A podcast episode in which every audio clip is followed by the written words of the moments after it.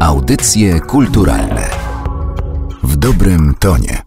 Kraków, e, Berlin, Paryż, Londyn to są miasta, w których ludzie mieszkali i mieszkają w osiedlach bloków, e, a o tych ostatnich opowiada książka Betonia, wydana przez wydawnictwo Czarne. E, jest ze mną jej autorka, Beata Homontowska. Dzień dobry. Dzień dobry. A my spotykamy się z powodów logistycznych w Warszawie na osiedlu młodych, które ma bardzo ciekawą historię, mianowicie mieli mu patronować bezdomni kochankowie. Tak, to jest osiedle, które bardzo ciekawą ma historię. Jest też idealnym przykładem osiedla odwilżowego, z roku 56, kiedy, jak wiemy, władzę przejął w Polsce Władysław Gomułka i wiązano z nim olbrzymie nadzieje. Wtedy też otwarto się na zachód i powróciła możliwość budowania domów w systemie spółdzielczym. I to osiedle w zasadzie zostało wymuszone takim artykułem, który pojawił się w sztandarze młodych, gdzie dwójka dziennikarzy właśnie pisała o tym, że powstaje takie osiedle spółdzielcze dla robotników, dla właśnie tych młodych wszystkich par, które już miały dość gnieżdżenia się pod jednym dachem z rodzinami, często w 10 osób w jednej izbie i wreszcie mogły zrealizować swoje marzenie.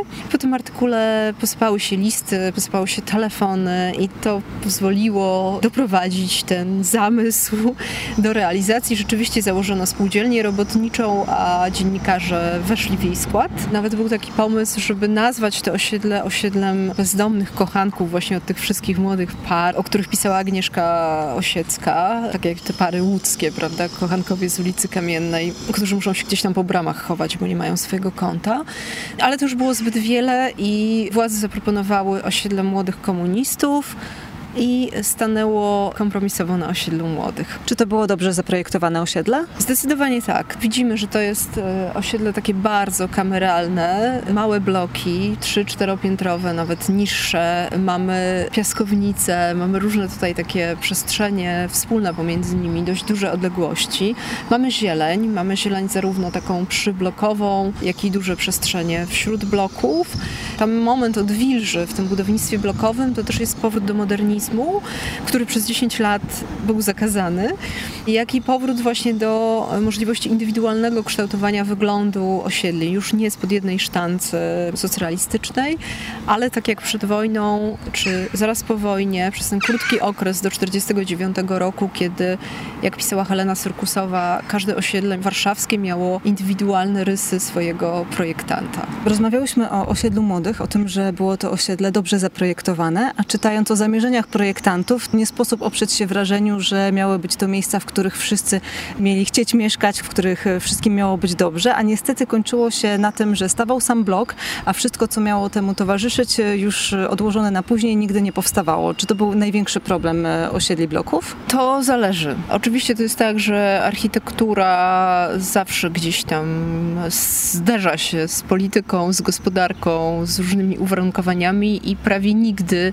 nie wychodzi tak, jak miało być. To nie dotyczy tylko osiedli bloków.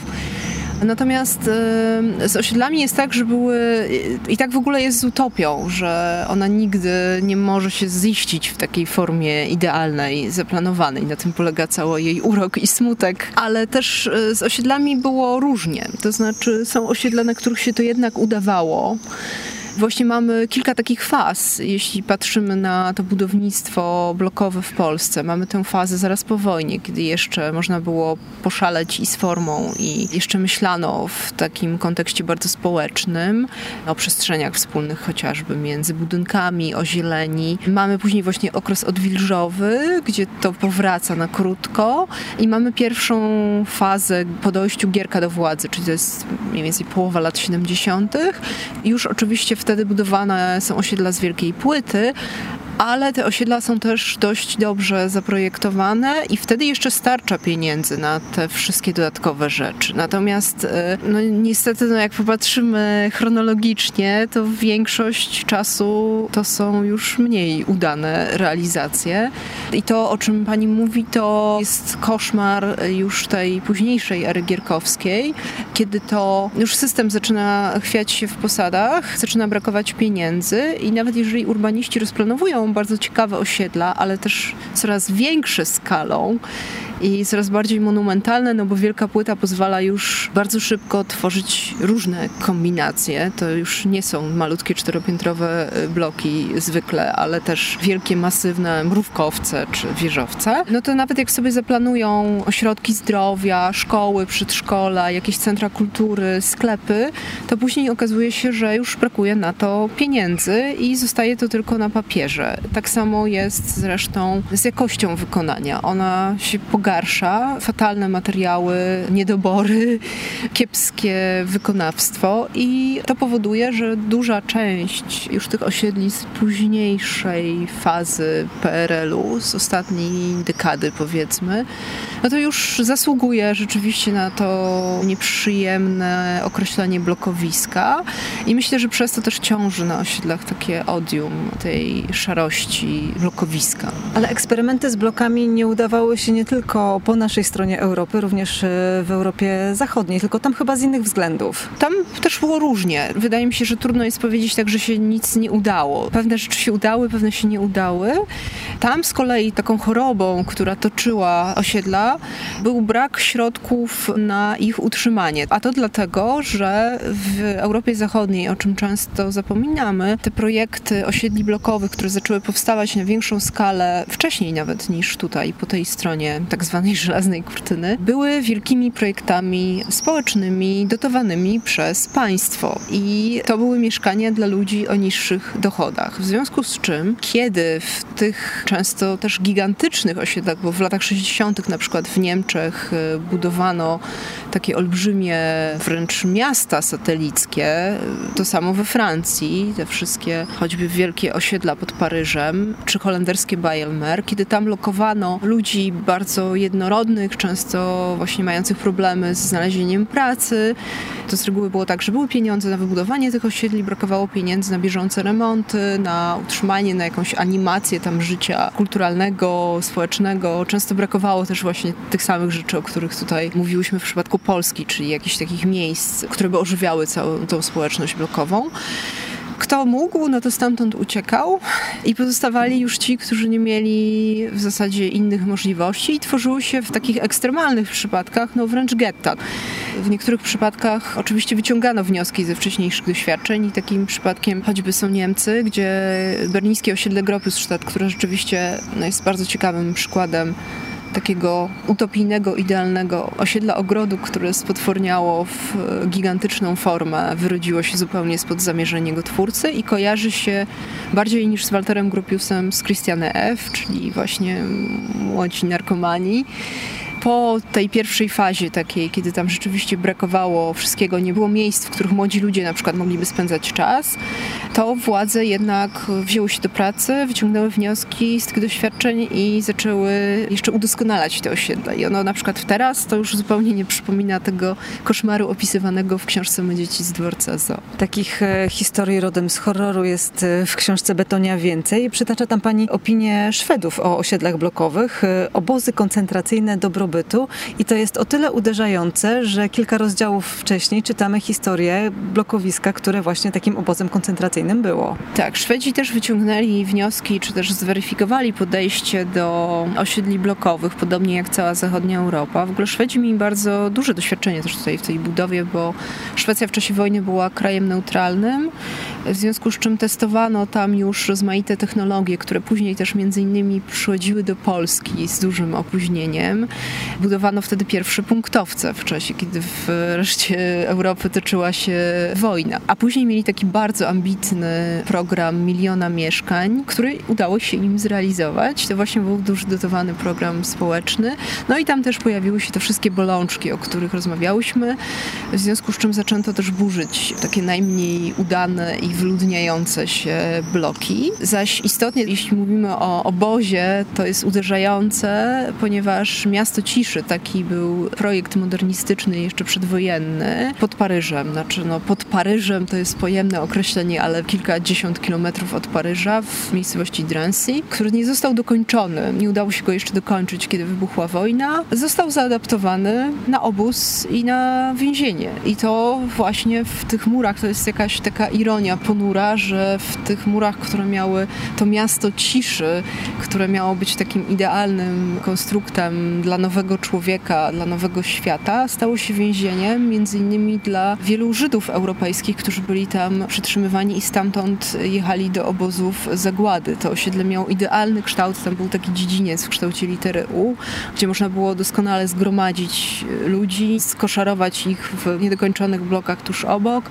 Idealny taki plac apelowy, więc to trochę mrozi krew w żyłach, kiedy się o tym pomyśli, jak łatwo taka utopijna idea może się wyrodzić i przekształcić e, w koszmar. Takich koszmarów dotyczących e, bloków i osiedli blokowych było bardzo dużo w popkulturze i mam wrażenie, że też dokładamy teraz te historie do tego stereotypu, to może żeby nie było tak, że te bloki naprawdę są straszne i przepoczwarzają się w jakieś okropne potwory tutaj zabijające w zarodku całą tę ideę, która towarzyszyła ich budowie, to jakieś pozytywne przykłady takich e, które na pewno miały jedną cechę i o tym też jest e, w popkulturze sporo. One były wspólnototwórcze. No, musiały być. Mnóstwo ludzi zgromadzonych na jednej przestrzeni. Dopóki coś tam nie poszło nie tak, to ta wspólnota istniała. Rzeczywiście. No ja też staram się odzerwać od tych dwóch ekstremów, bo mamy taką tendencję. Jest to o tyle zabawne, że mówimy o blokach, jakby one były jakimś fenomenem już zaprzeszłym, tymczasem tkwimy w nich po uszy. Dokładnych szacunków nie ma, ale co najmniej kilkanaście milionów Polaków żyje w blokach, na osiedlach. Tych udanych przykładów i tych przykładów wspólnototwórczych też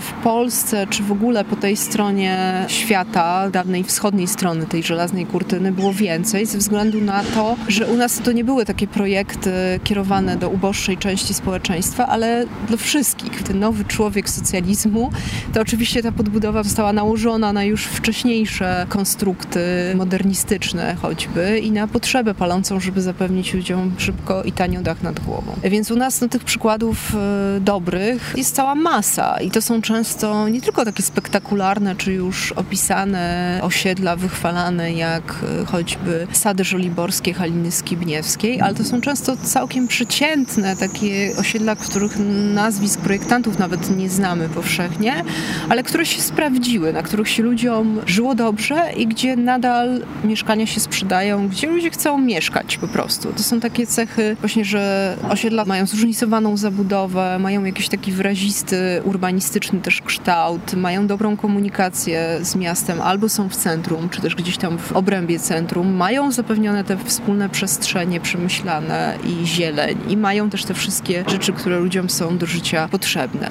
Ja też mam ze sobą takie doświadczenie, które gdzieś tam wplatam w książce w inne relacje, w inne opowieści o bloku. Życia właśnie na takim osiedlu, to jest osiedle y, dzisiejszy Krowodrze Górka w Krakowie. I dla mnie takim doznaniem, które na pewno uważam za pozytywne, to było doświadczenie różnorodności świata i dorastanie w takiej gromadzie dziecięcej, w takiej bandzie, która pod okiem takiego rodzicielskiego plemienia funkcjonowała w własnym gronie na podwórku.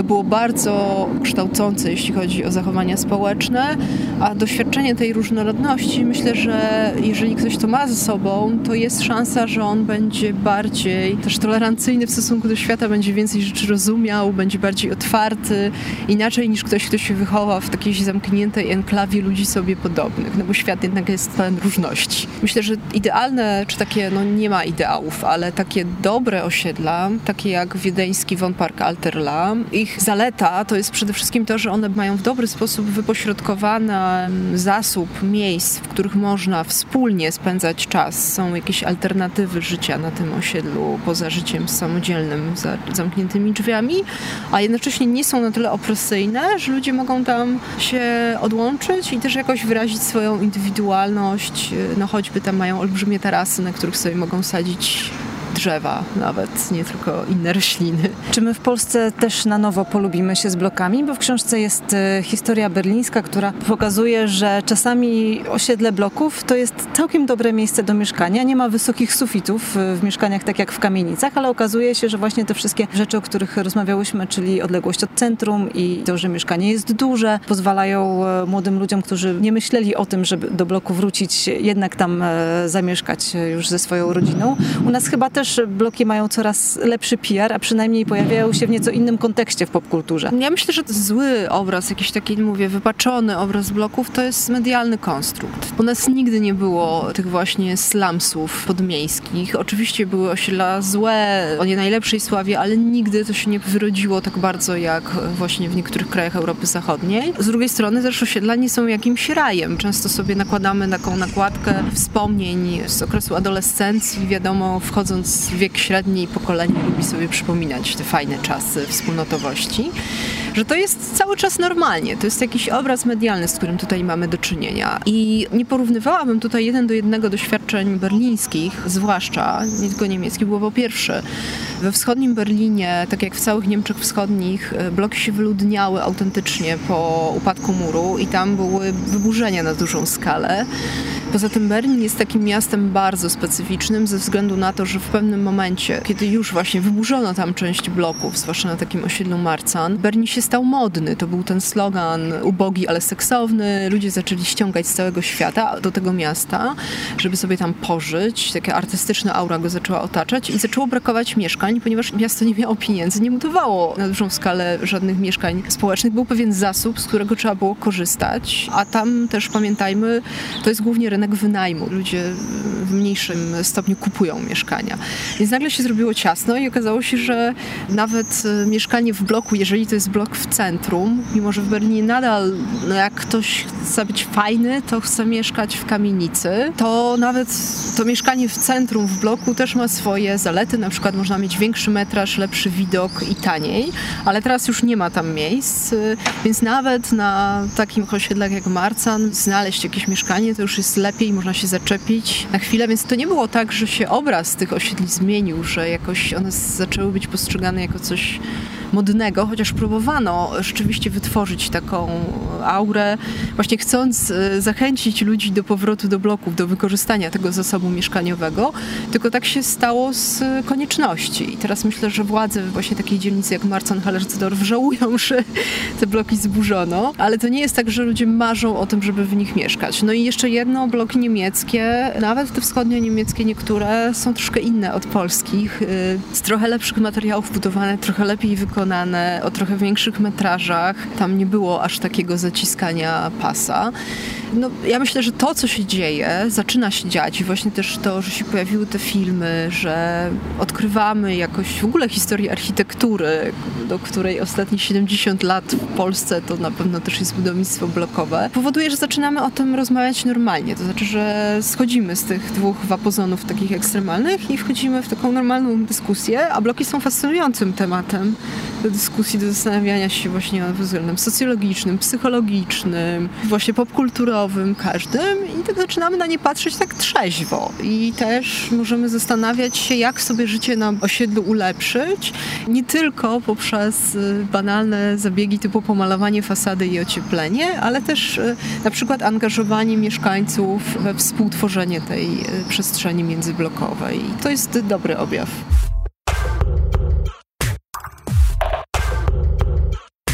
Materiał przygotowała Magdalena Miszewska. Audycje kulturalne w dobrym tonie.